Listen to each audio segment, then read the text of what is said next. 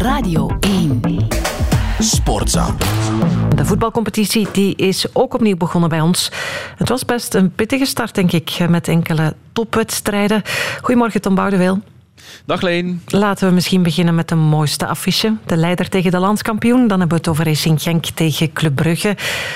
Mogen we zeggen dat eigenlijk alles bij het oude bleef, ondanks dan die winterbreak en een nieuwjaar? Uh, misschien wel, ja. Want uh, Genk deed toch wat het uh, in het eerste deel van de competitie bijna altijd heeft gedaan. En dat is winnen. En toch ook redelijk goed voetbal gespeeld. En Club Brugge leed nog maar eens puntenverlies.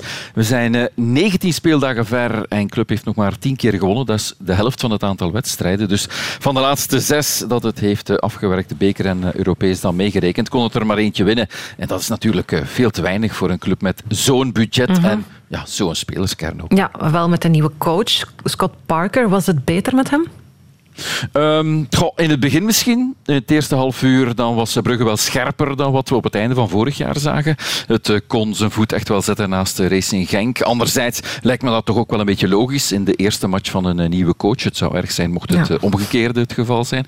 Maar uiteindelijk moest de club het initiatief toch aan Genk weer laten in de tweede helft, bewust of onbewust. En het maakte weer te veel individuele fouten om aanspraak te maken op puntengewin. En zo ga je van een 0-1 voorsprong naar een 3-1 nederlaag. Weer puntenverlies na een voorsprong dus. Ook al omdat je zelf je momenten niet neemt. Uh, Je had daar die grote kansen van Lang en Jaremchuk. Ja, daar moet er toch eentje van uh, binnen. En ja, dat is ook niet de eerste keer. Dus het leek een beetje op oude wijn in nieuwe zakken. Voorlopig wel natuurlijk. Ja, inderdaad, want elke match moet gespeeld worden. Maar als we dan naar het klassement kijken, dan is het verschil met Genk ja, wel opgelopen tot uh, 15 punten. Hè. Dat kan Club toch nooit meer goed maken.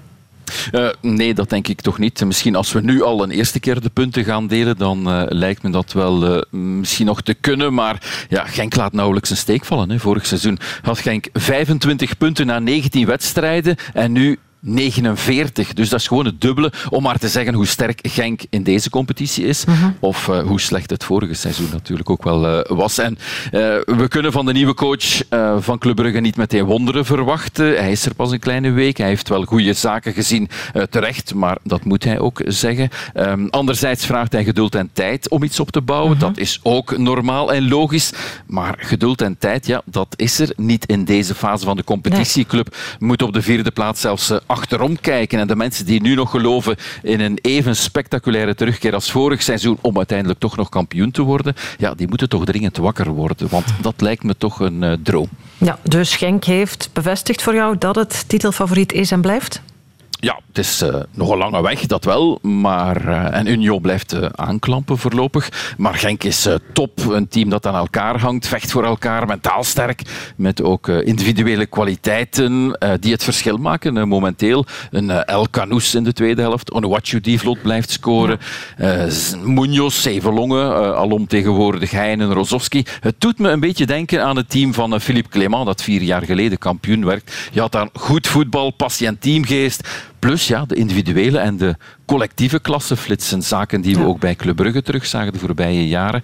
Uh, maar dat we nu te weinig zien in het uh, Brugge van dit seizoen. Dus om terug te keren op club. Het zal zelf eerst weer een echt team moeten vormen met vertrouwen in elkaar en een portie zelfvertrouwen. En als je als uh, coach impact wil hebben en geloofwaardigheid wil opbouwen, ja, dan uh, geldt maar één wet natuurlijk. De voetbalwet. Ja. En dat is winnen. Pas dan krijg je de spelers mee. En dat zal om te beginnen nu zondag al moeten in een nieuwe topper tegen Anderlecht. Inderdaad, en over Anderlecht gesproken. Dat ging onderuit, hè. opnieuw in die Brusselse derby gisteravond in eigen huis tegen Union. En ik zei het opnieuw, het is niet de eerste keer.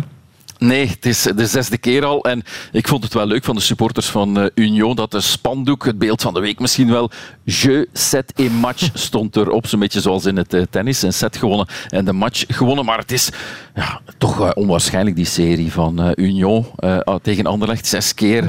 Ja. Anderlecht had wel geen gebrek aan inzet tonen hoor. Het was misschien wel het enige positieve. De hele wedstrijd met zijn tienen afgewerkt na een vroege uitsluiting. En dan toch, ik had het gevoel, er zit nog een stunt in met Silva die de eerste en de enige kans afwerkte. Maar in het slot uh, draaide Union het uh, toch nog uh, om, ook al speelde het ook niet zijn beste wedstrijd. Het, het, miste misschien wel de geschorste Teuma. Dat is toch het hart en het brein van dit Union. Ja, maar Union heeft gewonnen. Betekent ook dat Anderlecht verloor al tien keer intussen in 19 wedstrijden. Ja, dat is veel. Hè. Het staat nog altijd uh, elfde. Top 8 weer wat uh, verder af. Uitgeschakeld in de beker ook. En hebben we de, echte coach, de coach nu al echt kunnen beoordelen. Want ja, een positief rapport in de beker tegen Genk, ondanks de uitschakeling. Zijn eerste wedstrijd bij de club, dus dat vergoelijkt veel. Um, veel minder tegen Charleroi en nu weer onderuit tegen Union door de snelle uitsluiting. Um, ja, de coach zei, we waren zo vol van vertrouwen. We hadden elk detail voorbereid. Maar ik vraag me dan af waarom je als coach dan de hele wedstrijd moet bijsturen, de hele wedstrijd ostentatief bijkomen, de informatie moet geven aan spelers, een beetje overdreven. Ik denk dat eh, Anderlecht nu nood heeft aan een rustbrenger als trainer, een trainer die duidelijkheid mhm. brengt. In tegenstelling tot Parker bij Club Brugge heeft hij toch al wat meer tijd gekregen om zijn stempel te drukken. Maar ja, net als bij Club moet het toch dringend veranderen. Ja, inderdaad, want zonder te negatief te willen klinken, straks moet Anderlecht naar beneden kijken om niet in degradatiegevaar te komen. Ja, dat is uh, misschien wel een beetje overdreven, inderdaad. Maar goed, ja, de staart van het klassement heeft zich de voorbije dagen geroerd. En met die overwinningen van Seraing, Kortrijk en Zultewaregem. Dus ik kan me voorstellen dat er in de bestuurskamers van uh, veel clubs in die rechterkolom ja, het nog wat zenuwachtiger aan toe mhm. gaat. Want bij zowat al die clubs is de trainer al minstens één keer vervangen. We zitten nu volop in de transferperiode. Tot eind januari zal er gewikt en gewogen worden, gegokt, geïnvesteerd. Met geld dat er misschien niet is, risico's genomen. Om toch maar in de eerste klasse te blijven. Dus het worden boeiende en misschien wel pijnlijke maanden.